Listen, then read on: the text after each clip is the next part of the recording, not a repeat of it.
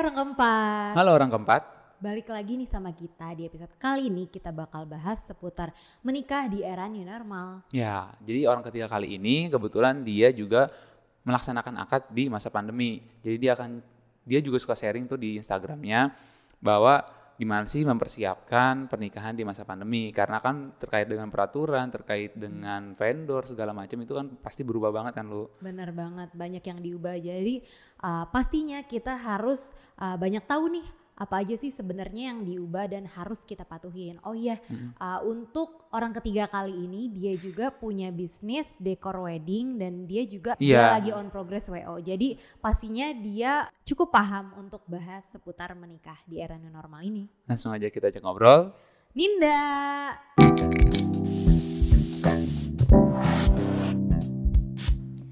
Hai Halo, Nin. Ninda. Halo Lulu dan Toaf. Iya. Apa kabar? Baik-baik. Alhamdulillah. Cie reunian Iya. Teman Ya SMA ampun, balik parah. tuh sini lagi. Kita nggak pernah ketemu ya Nin. Iya. Oh ya by the way, congrats on Oh your iya. wedding. Happy banget dengarnya. Terus, oh yang ngomong-ngomong nih tentang perwedingan, eh, ibaratnya kan sekarang udah masuk pandemik, udah beberapa ming eh beberapa bulan yang lalu ya. Dan sampai sekarang itu ibaratnya masih nggak jelas nih mau sampai kapan sih pandemiknya. Menurut lo gimana nih? Maksudnya lo was-was atau eh, gimana perasaan lo? Gitu. Sebenarnya karena gue udah selesai akad nikahnya, jadi gue udah mulai tenang. Sebelumnya sih gue gak bisa tidur bahkan. Oh, Terus iya. gue lose weight itu 7 kilo. Oh gitu. iya, sampai stres sebelum gitu. akad. Tapi sekarang sih udah tenang. Tapi tetap aja gue kan masih ada resepsi yang tertunda nih. Iya. Eh, insya Allah di akhir tahun. Itu sih paling yang yang masih gue ragukan, masih mungkin apa enggak gue lakukan itu di bulan di tahun ini gitu. jadi tapi eh, rencana awal tuh sebenarnya lu akad dan resepsi jadi satu Iya harusnya tuh 12 April 2020. Oh. Cuman semuanya buyar deh kayak Ya akadnya pun juga gue cepetin jadi 10 April Oke. gitu. Hmm. Tapi eh, lu setelah apa namanya perencanaan lu itu kan berarti berubah semua dong, mendadak dong berubahnya. Sedangkan lu udah prepare selama Satu tahun. udah satu tahun dan tiba-tiba berubah. Itu lu gimana cara lu apa ya? Kan berarti perlu ada koordinasi lagi ke semuanya kan. Lu tuh gimana? Maksudnya apakah lu langsung hubungi WO-nya kah atau gimana? Atau WO pihak WO-nya yang menghubungi? Jadi kebetulan ketika COVID datang di Indonesia itu tuh sekitar Maret, gue udah agak bahkan itu sebenarnya Maret awal, gue tuh udah agak rada-rada eh, deg-degan gitu. Ini Hmm, gimana? oke. Gue mau ada resepsi, ngundangnya banyak lagi 1.500 orang gitu kan. Iya. Gak mungkin banget gue mau mengumpulkan orang sebanyak itu di masa seperti ini. Iya. Jadi dari awal pun gue udah langsung menghubungi si WO sebelum dia ngehubungin gue, Oh, udah, gue iya. udah hubungin Oh. duluan. Gimana nih? Iya kayak Mbak gimana Mbak saya tahu saya masih satu setengah bulan lagi tapi gimana nih gitu kan oh tenang kan Ninda kita tuh masih punya protokol-protokolnya pokoknya mereka udah ngasih tahu protokolnya deh seperti kayak harus ada termogan eh, jadi kayak tes suhu dulu terus juga harus cuci tangan terus dan lain-lain. Pokoknya mereka udah kasih tahu cuma tetap aja ternyata peraturan pemerintah saat itu kan berubah-berubah terus. Itu tuh gue punya feeling kayak dibikin naik naik roller coaster sama pemerintah. Iya. tiba-tiba tuh berubah gitu kayak minggu ini peraturannya bolehnya boleh di luar nggak boleh boleh di KUA juga. Terus ketika dua minggu kemudian nggak boleh di nggak boleh di luar KUA terus minggu depannya lagi kayak PSBB aduh gue udah bener-bener Aduh. capek banget diri gue sendiri gara-gara pemerintah tuh ganti-ganti peraturan tuh sangat cepet dan juga nggak koordinasi sama kemenaknya juga. Jadi peraturan pemerintah peraturan pemerintah yang diperda sama kemenak pun juga kayak berbeda gitu saat itu. Jadi gue akhirnya memutuskan untuk mempercepat akad nikah gue. Jadi hamin dua minggu sebelum akad nikah gue rombak semua acara gue. Yang tadinya harusnya di gedung gue akhirnya gue ubah. Karena ternyata di gedung pun juga gue harus additional charge lagi. Jadi Oh, dari oke. karena dari gedungnya itu nggak mau ambil resiko kalau gue tetap bikin acara. Karena mereka harus uh, comply lah sama policy-nya dari pemerintah gitu. Nah gue akhirnya cari-cari restoran atau enggak hotel yang ada di KUA setempat. Kebetulan gue udah masukin berkas-berkas KUA tuh udah dari 2019 jadi gue udah terdaftar lah di sana. Dan gak mungkin kan kalau misalnya gue harus pindah KUA lagi Iya, gitu. terus akhirnya gue cari-cari dan nemulah satu lokasi venue di Kembang Gula gitu sih. Dan semuanya gue gunakan jadi kebetulan WO gue ini yang udah gue gunakan itu WO plus venue. Jadi gue udah Hmm. paket gitu, Mm-mm. resepsi plus akad gitu itu udah Hmm. paket semuanya all in, udah sama fotografer, dekorasi, Mm-mm. even baju bridal gitu tuh udah termasuk juga gitu. Nah, jadi yang gue rombak saat itu adalah penggunaan fotografer gue masih sama, cuman gue additional charge lagi karena, extra day. Oh. Tadi kan gue Oke, rencananya kan satu langsung hari, iya iya. satu hari. Terus juga kedua eh, baju bridal gue masih gue pakai nih karena kan gue udah ada akad nikah. Cuman tadi Mm-mm. gue mau pakai adat Mandailing Mm-mm. karena PSBB gue ngerasa aduh kebanyakan orang yang ngurusin muka gue dan Iya. lain-lain jadinya udah deh gue stop nggak usah pakai adat sama sekali. Terus juga untuk dekornya kebetulan dekorasi gue itu juga eh, on the day doang yang resepsi doang. Oke. Kalau gue nambah akad di luar hari gue harus nambah lagi sedangkan gue Oh, ngerasa iya. gue kan punya dekor sendiri Siara Project gue ngerasa nggak ikhlas aja gitu gue harus bayar orang Iya, untuk iya. nik- Bener. untuk dekorin akad nikah gue aja yang gue rasa gue mampu akhirnya gue dekornya pakai tim gue sendiri Sira Project terus juga gue entertain gue cut gue nggak jadi pakai entertain terus Oke. juga gue cateringnya akhirnya dari si kembang gula juga dan itu juga gue makanan di box. Lo bayangin aja kayak gue acara di kembang gula akan nikah tapi bawa pulangnya box gitu. Iya, iya, iya, iya. Kayak iya, seminar iya. ya. Oke. Iya makanya gue tuh sampai sampai minta maaf gitu sama uh, keluarga gue yang datang kayak maaf ya makanannya hanya box kayak iya nggak apa-apa Ninda kita ngerti. Iya Pasti sih. ngertiin sih iya pasti kan, ngerti. uh, cuman tetap aja kita yang punya acara kan kayak agak malu gitu Iya, ya. benar benar Tapi benar. eh, ngomong-ngomong, lu kan Maret kan berarti kan Maret Covid itu upload Iya. di April.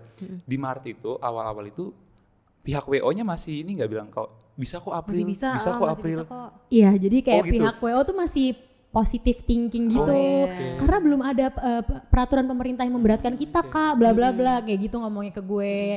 Jadi gue tetap disuruh tetap jalanin. Tapi dari sisi keluarga gue udah yang kayak Oh, stres sendiri mikirin Iya. covid. Karena kan orang tua kita juga udah tua gitu. Betul apalagi banget, suami gue mertua gue sih itu udah lebih tua lah usianya daripada nyokap bokap gue. Jadi lebih takut gitu mereka kena dan lain-lain. Itu Gitu Hamin sih. berapa fixnya bahwa udah nggak bisa. Hamin berapa dari hari Hamin H? dua minggu sih Hamin dua minggu. Hamin dua minggu Berarti sebelum lo acara langsung gitu ya?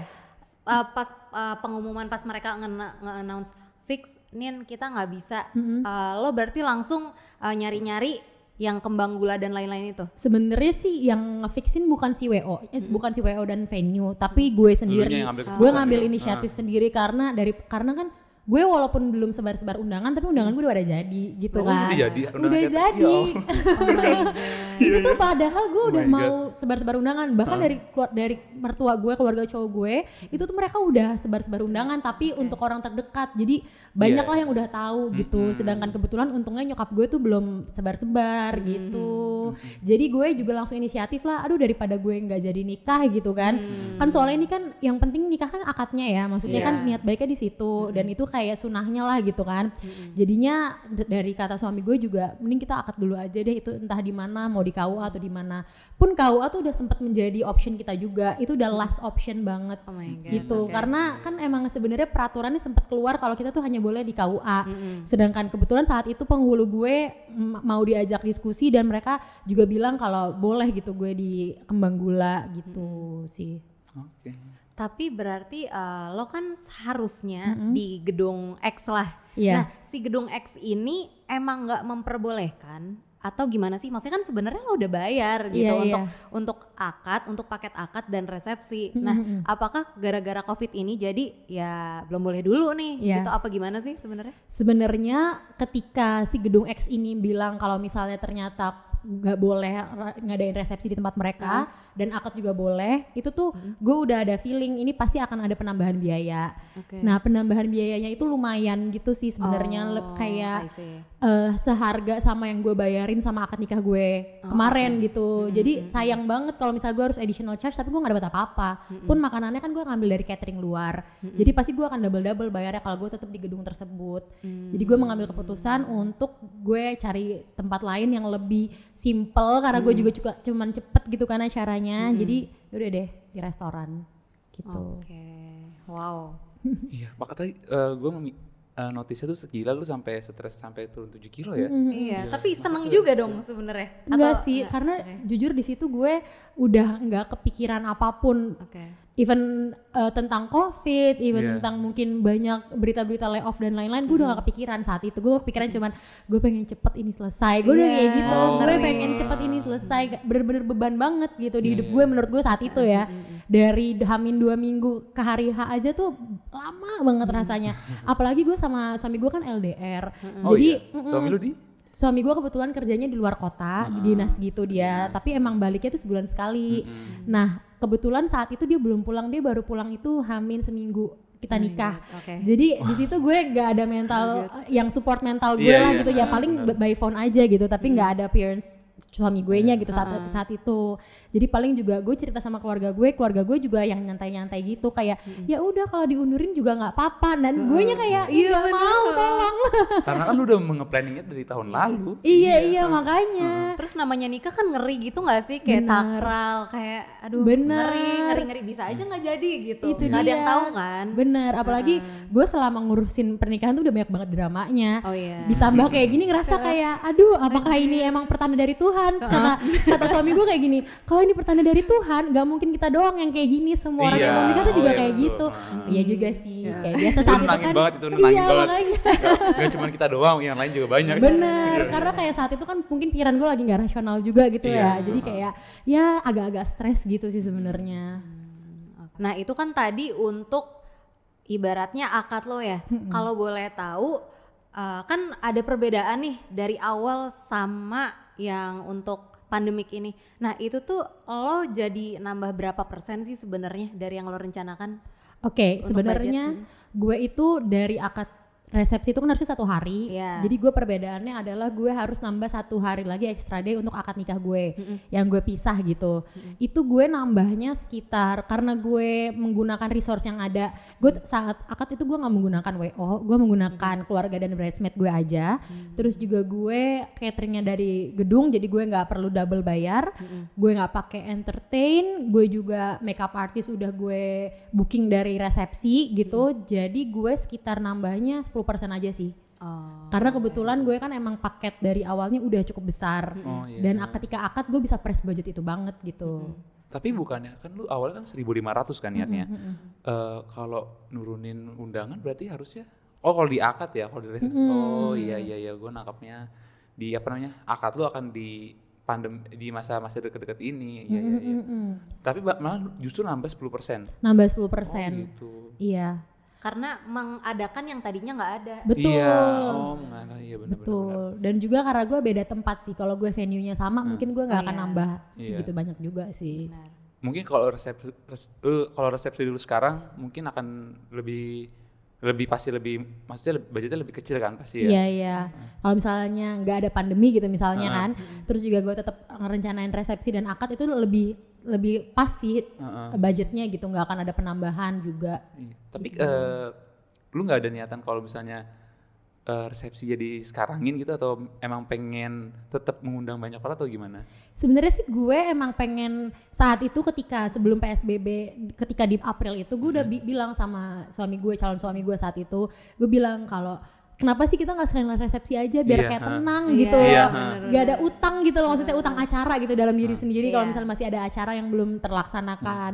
Cuman ternyata ngelihat waktu lihatlah waktu lama-lama peraturan pemerintah yang nggak memperbolehkan kita Oh, itu aja kan ketika PSBB kemarin gue hanya boleh didatengin oleh 10 orang keluarga aja. Itu juga dalam satu ruangan cuma boleh 10. Kalau sekarang kan peraturannya udah beda lagi gitu. Iya. Iya benar. Mm-mm. Iya nggak bener juga sih kalau resepsi cuma bisa 10 sampai 15 orang Iya, kayaknya. nggak mungkin kan. iya. Kayak garing juga. Iya. Gedean acara ulang tahun. bener makanya nggak. Bener-bener. Sama kayak di KFC dong ya. iya, bener banget. Nah, Nin, tadi kan lo sempat mention kalau di akad lo lo tuh uh, minta bantuan dari keluarga dan bridesmaid. Nah, sebenarnya kan kita bisa dibilang agak-agak ngeri nggak sih? Misalnya uh, kalau dari keluarga atau dari bridesmaid tuh ibaratnya kurang-kurang paham nih. Nah, apakah keluarga lo itu emang uh, ada di ranah itu atau lo ngebriefing sedemikian rupa biar mereka ngerti gitu? Oke, sebenarnya gue emang nggak ada rencana Mm-mm. untuk ajak bridesmaid dan juga para keluarga gue untuk menjadi WO di acara akad nikah gue. Karena kan emang gue rencana awal itu udah ada WO juga yang ngurusin. Iya. Nah karena ini semua udah gue atur ulang di Hamin dua minggu tersebut, jadilah gue minta tolong mereka. Dan juga awalnya gue ragu sih enggak, gue nggak ragu karena gue udah pernah memberdayakan mereka di acara lamaran gue kemarin. Jadi waktu acara lamaran kemarin gue minta semua bridesmaid gue dan juga keluarga gue untuk jadi PIC PIC-nya gitu. Dan gue emang bantu mereka untuk kayak bikin rundown. Kebetulan gue emang udah punya skill event planning gitu. Jadi gue udah tahu nih rundownnya tuh apa aja sih kalau buat lamaran dan juga akad nikah. Sampai teksnya MC aja tuh udah gue bikinin juga. Oh iya? Saking gue takutnya. Cue-cardnya itu Iya, iya, iya, gue iya, bikinin karena emang gue sering jadi MC juga. Oke. Terus juga gue nggak yakin om gue ini tuh bisa bagus gitu loh. Hmm. Apa yang gue pengen disampaikan tuh sesuai gitu. Jadi gue bikinin cue cardnya dari awal sampai yang akhir. Terus juga untuk bokap gue sendiri Hmm. yang bahkan jadi penerima cowoknya gitu, penerima keluarga laki-laki gue bikinin juga cue cardnya. banget ya. Iya.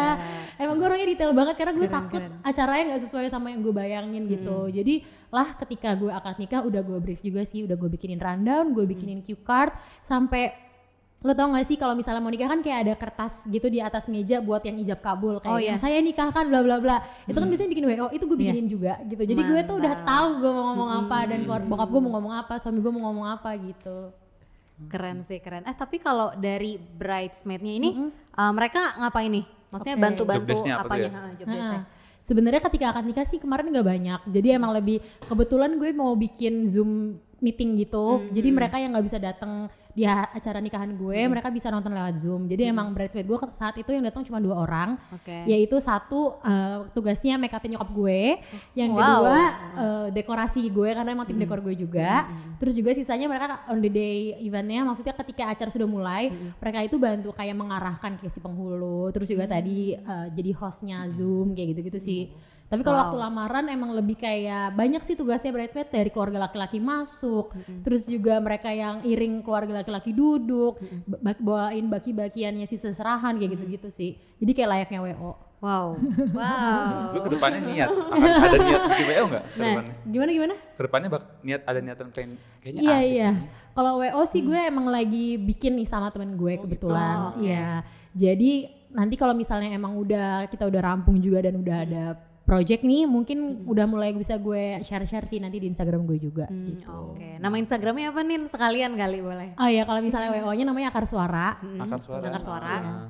Kalau misalnya Instagram gue sendiri Fadila Aninda, dan kalau misalnya Instagram dekorasi gue namanya Sierra Project. Sierra underscore project. Oke. Nanti boleh dicek-cek ya. Iya. semua. Sering banget share-share tentang perweddingan ya. Iya, Dan benar. Lumayan banget. Kalau buat kalian yang mau nikah untuk deket-deket ini kan. Iya. Benar. Oh ya mungkin satu lagi untuk uh, pengalaman akad lo kemarinin. Kalau tadi lo udah bilang itu nambah charge budget ya. Ini kita Iya. bicara budget. Budget itu sekitar 10%.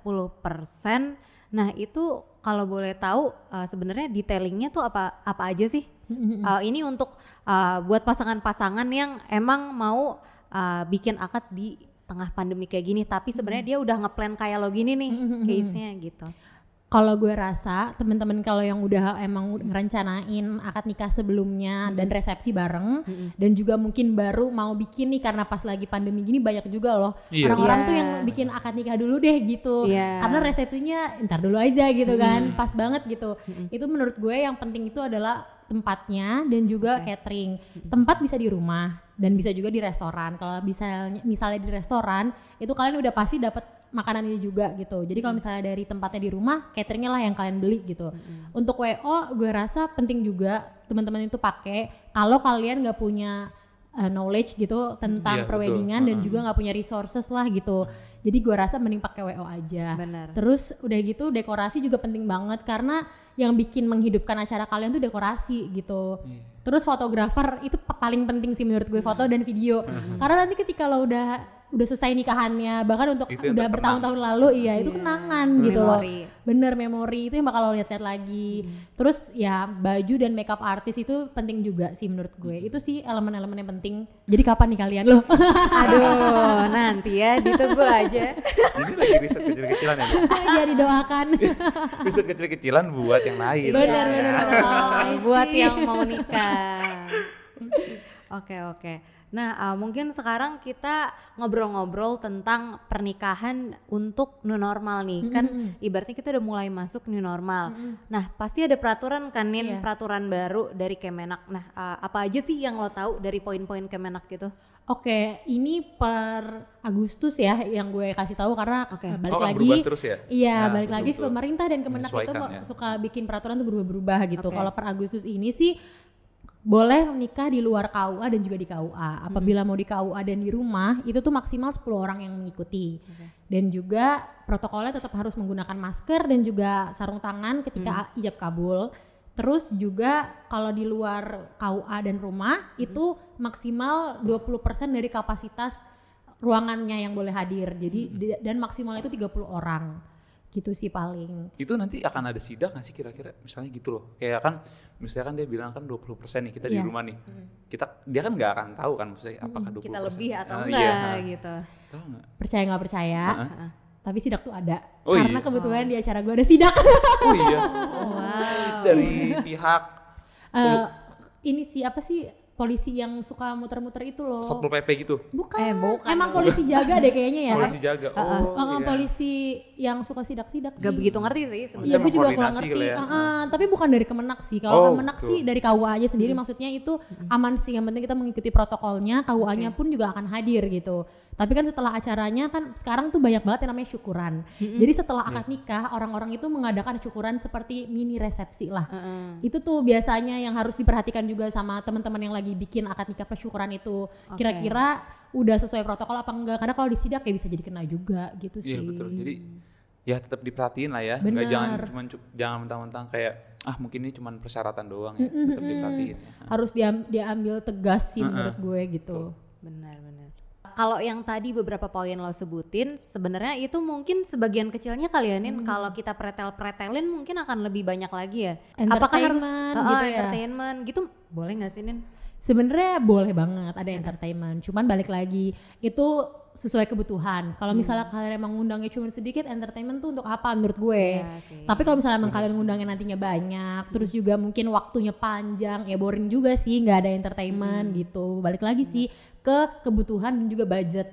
Ingat kalau misalnya akad nikah kan nggak semuanya mungkin punya budget yang banyak, apalagi kalau misalnya betul. masa pandemi kayak gini, semua lagi susah juga ya, semua lagi krisis gitu kan. Mungkin mereka pengen cuman yang penting gue sah aja dulu deh gitu. Iya. Gimana sih biar gue nggak banyak ngeluarin uang, tapi gue tetap bisa sah sama si si pasangan gue ini. Jadi menurut gue itu sih elemen-elemen yang penting gitu. Oke. Oh iya gue mau nanya nanyain eh, bisnis lu sendiri berarti kena dampaknya banget dong ya?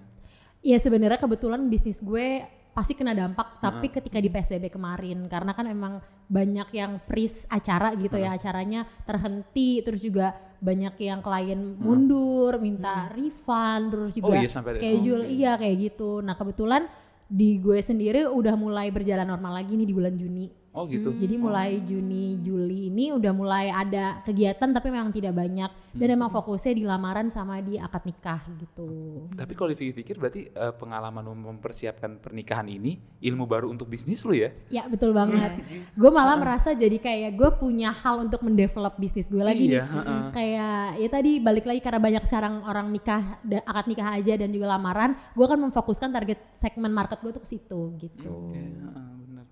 Jelas sam gue maksudnya ternyata lu sampai sedetail bahwa lu nulisin cue cardnya sendiri gitu loh kayak Keren sih. saya pengantinnya sendiri Iya bener. kayak passionate banget ya sampai sini. Emang sebenarnya butuh waktu banget untuk gue ngerjain itu karena gue juga ngerasa gue udah membebani keluarga gue. Dia udah bantuin acara gue aja alhamdulillah banget gitu kan. Iya. Gue takutnya mereka juga ngerasa jadi pressure. Aduh gue harus Iya, ngomong bener. apa. Jadi Iya. mending gue sediain aja deh gitu cue cardnya. Benar-benar. Balik lagi topiknya ke budget karena menarik banget ya. Kalau menurut lo nih Nin, uh, range budget untuk nikah di new normal itu range-nya dari yang paling on budget sampai yang paling mahal tuh berapa sih? Oke, kalau misalnya di akad nik kalau akad nikah di new normal gitu ya, budgetnya itu sebenarnya bisa disesuaikan sama yang kalian ada gitu sebenarnya. Oke. Even misalnya cuma punya 10 juta gitu, itu sebenarnya bisa aja. Bahkan kalau misalnya kalian punya 5 juta pun juga bisa, Bisa, banget ya tinggal ah. nikahnya di KUA gitu aja sih sebenarnya. Tapi kalau misalnya yang paling mahal banget nggak ada nggak ada angka mahalnya juga sih kalau kalian bikinnya di hotel dengan Relatif menggunakan lah ya. iya relatif kalau kalian menggunakan di hotel menggunakan bajunya juga dari desainer yang mahal makeup iya. artisnya juga yang mahal itu pun bisa bisa sampai ratusan juta Iya. tapi sebenarnya normalnya menurut gue akad di akad nikah di new normal Normal. ini budget normal itu sekitar di 20 sampai 60 juta. Menurut gue itu udah di kisaran normal. Oke. nggak berlebihan nggak kurang gitu menurut gue Pas lah ya. Mm-mm. Apa yang paling bikin mahal? Nah, menurut lo apa kalau di new normal ini? yang bikin mahal tuh ego kita tapi beneran iya. loh. tapi Bener. serius Sumpah itu bener banget. Quotes of the day itu. Oke, oke, oke, keren, keren. bener Iya yang, yang bikin mahal tuh egonya Karena kan kayak pengennya vendor-vendor terkenal Terus juga mungkin ya kayak tadi makeup artist pengennya yang kayak Iya. udah terkenal gitu kan Bener. Jadi kalau misalnya emang menurut gue kalau kalian nikah itu balik lagi sama kemampuan budget kalian. Kalau kalian ber, kalau kalian pengen ngikutin ego kalian tapi nanti duit kalian habis terus habis nikah gimana duitnya? Iya. Menurut gue sih kayak gitu. Mubazir aja sih kayak habis nikah kan masih punya After married tuh kehidupan. yang lebih penting justru. Betul sih. banget kayak gitu Iya. kan kalau kata orang yang penting sahnya bukan wahnya gitu Iya. kan. bener, bener, bener. Nah, Nin, kan eh, peraturannya udah sering digaung-gaungkan kan tentang wedding di era new normal ini. Nah, Ya. kalau menurut opini lu nih, kira-kira eh, masyarakat bakal akan ngikutin gak ya peraturan yang pemerintah udah kasih tahu itu? Kalau menurut lu? Menurut gue sih Opini lu, pasti bakal ngikutin sih karena walaupun dia nggak mau ngikutin nih misalnya si keluarga ataupun calon pengantinnya tapi kan pasti vendor-vendor lain nggak akan mau. Oh iya benar. Benar. Jadi Iya, maksudnya kan bakal berani ya vendor. Iya, akan banyak suara lah di acara itu nggak cuma keluarga doang. Betul. Pasti kalau misalnya mereka nggak mau mengikutin misalnya pengen tetap mengundangnya 100 orang gitu.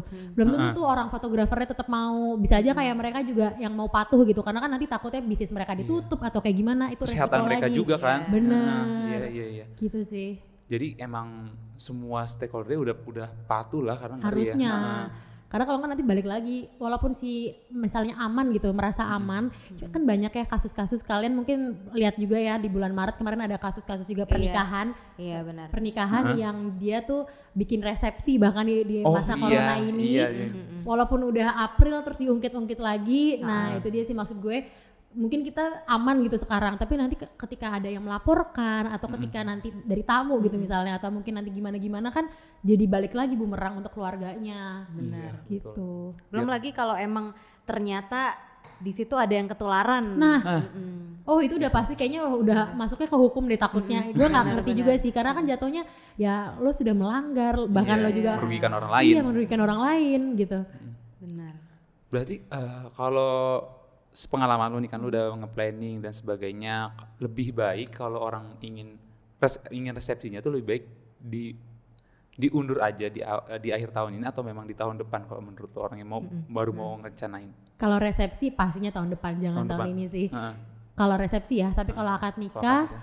gue juga saranin tahun depan juga. Tahun depan juga. Karena kan maksudnya mm, planning yang dadakan itu nggak enak banget gitu. Me- Terus mau terburu-buru dan semuanya jadi keterbatasan lah. Tapi kalau misalnya emang pengen manfaatin waktu momen ini gitu Mm-mm. pandemi untuk biar nggak ada resepsi atau mungkin emang biar cepet sah aja nggak apa-apa Iya. juga sih nggak ada salahnya kalau mau sekarang-sekarang ini nikahnya Ngambil momen lah ya. ngambil momen betul. Tapi kalau misalnya emang orangnya terorganize gitu, Iya, mending tahun depan deh nggak usah buru-buru gitu. Kalau kalian misalnya budgetnya kan kayak pas-pasan nih, aduh Iya. kayak mau resepsi kok kayak berat. Bener nah, banget udah kan. nih kayak sekarang Pas aja. banget, nggak akan ada yang nanyain juga kapan Iya. kalian resepsinya. Bener iya. Orang pandemi kok sama resepsi sih. Iya. kan? iya kan makanya. Kalau dari tadi kita bahas tentang yang pengen bikin nikahannya. Kalau sekarang mungkin gue mau nanya tentang uh, dari sisi tamunya nih, Nin. Misalnya gue sebagai tamu diundang di acara nikah new normal nih, misalnya di bulan Agustus atau September. Uh, menurut lo apa sih yang harus gue perhatiin? Maksudnya kan ibaratnya ngeri ya. Gue nggak begitu tahu gitu. Apakah ini si calon pengantinnya benar-benar apa uh, melakukan Nerapin- uh, nerapin. si protokol. COVID. Menurut lo apa sih yang harus gue perhatiin sebagai tamu gitu? Menurut gue sebagai tamu ketika diundang, ya lihat juga undangannya kira-kira bakal ngebahas tentang protokol covid atau enggak. Oke. Terus juga melihat mungkin kan kalau misalnya gue sempat datang ke simulasi wedding juga, di situ tuh kita di- dibagi dua sesi gitu loh. Jadi biar penggunaan ruangannya itu hanya kapasitas 50% orangnya aja gitu. Hmm. Jadi nggak menumpuk walaupun banyak yang datang tapi masih ada jarak lah renggang gitu. Nggak kayak kondangan pada biasanya tahu kan kalau lagi ngantri Iya. catering Iya. tuh desek-desekan kam- kayak gitu-gitu. ngantri kambing guling Iya. kan. Nah itu dia langsung habis loh kambing guling biasanya. Belum lagi ada ibu-ibu nyerobot. Nah itu dia makanya. Jadi kan untuk menghindari itu kan kita Iya. bisa ngelihat dari sesinya, terus juga mungkin dari eh, guideline de- si undangannya itu udah kasih tahu kalau tolong menggunakan masker dan lain-lain. Kami menerapkan protokol covid dan lain-lain. Apabila tidak, tapi kalian juga nggak pengen menolak atau gimana, mending langsung tanya aja sama si pengantinnya yang mengundang atau mungkin keluarga pengantin yang ngundang. Tanya kayak ini mau menerapkan prosedur atau protokolnya covid atau enggak? Kadang kan emang sebenarnya sayang juga ya dari diri kita sendiri kalau kita nggak tahu protokolnya kayak apa. Iya, gitu sih. Ngeri ya. Mm-mm. Jadi ya kalau misalnya tamunya online ya masih oke lah ya. iya bahkan gue menyarankan emang kalau misalnya cuma Iya, benar. lagi ngadain akad nikah dan cuma 30 orang dan temen lo banyak mending mending bikin kayak ya tadi zoom meeting atau mungkin kayak google meet atau apa gitu Iya iya iya, ha, betul. Oke. Oh ya Nin, uh, gue tuh sempat nonton di YouTube ya, sama waktu itu di story lo juga deh kayaknya.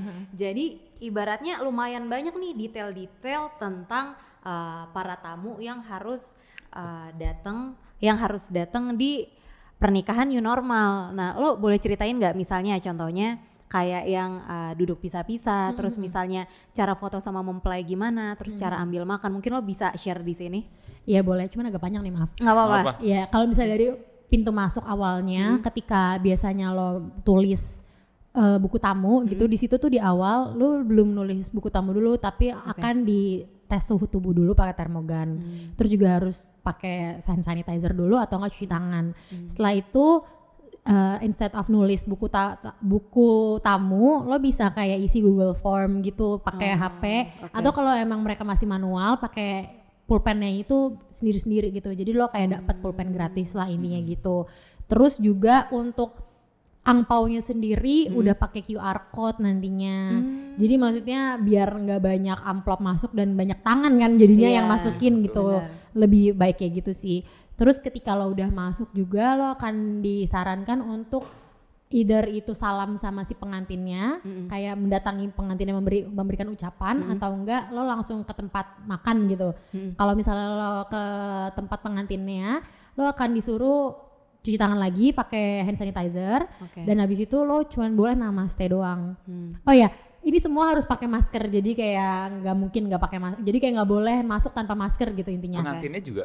Pengantinnya Facial kali. nggak sih kayaknya. Oh, iya. Kalau gue sih jujur nggak mau ya. Iya, makanya udah cantik-cantik kan. Iya makanya, cuman gue nggak tahu sih harus iya apa enggak. Cuman jujur kalau gue enggak gitu, tapi gue tahu ya gue. Oh Terus udah Bener-bener. gitu, cuman boleh namaste doang gitu. Jadi nggak dan jaraknya satu meter lah. Jadi nggak boleh deket-deketan.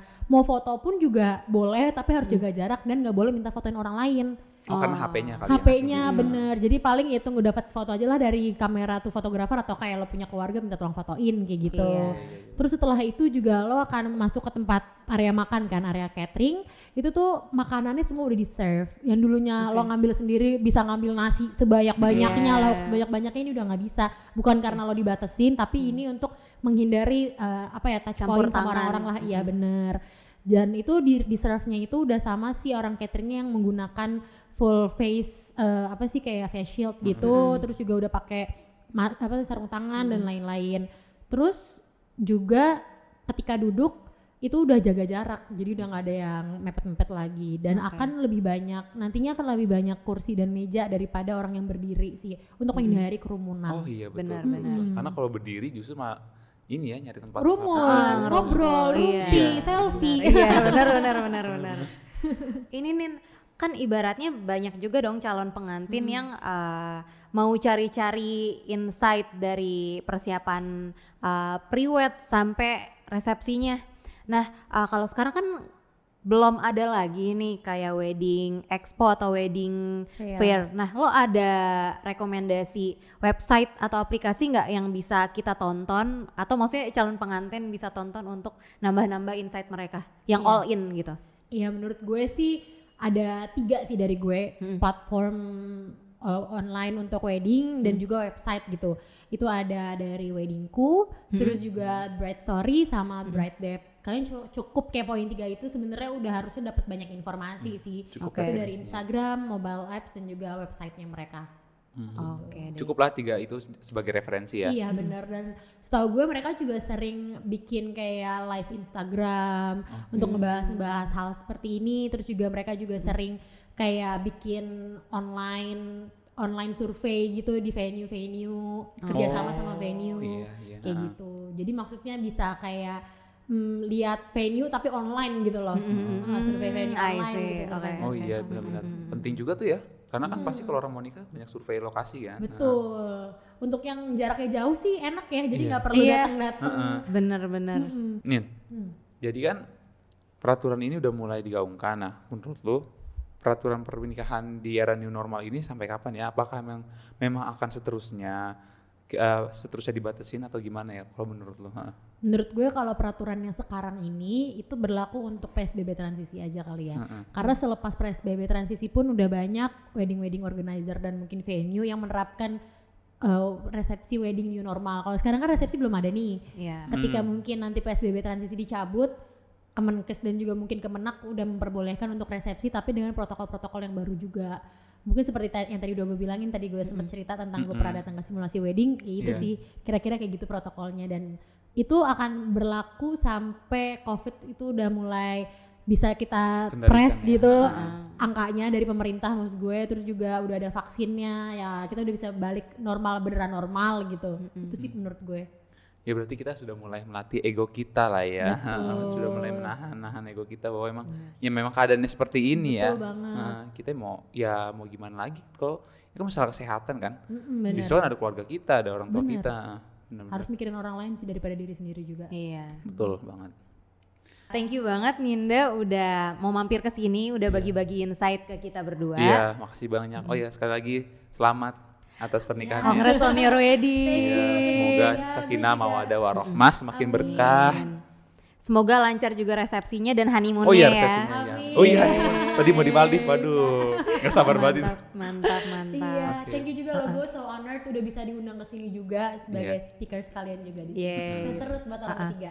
Oke, Oke, nah, makasih. Uh, buat uh, yang pengen tahu tentang uh, apa pun berbau-bau wedding, nah nanti bisa uh, ngelihat cek-cek Instagram dari Ninda ataupun Sierra Project ataupun nanti satunya lagi ada WO yang dipunyain sama Coming Ninda. soon WO-nya. Coming soon. Oke. Thank you. Thank you orang keempat. Bye. Bye. Thank you.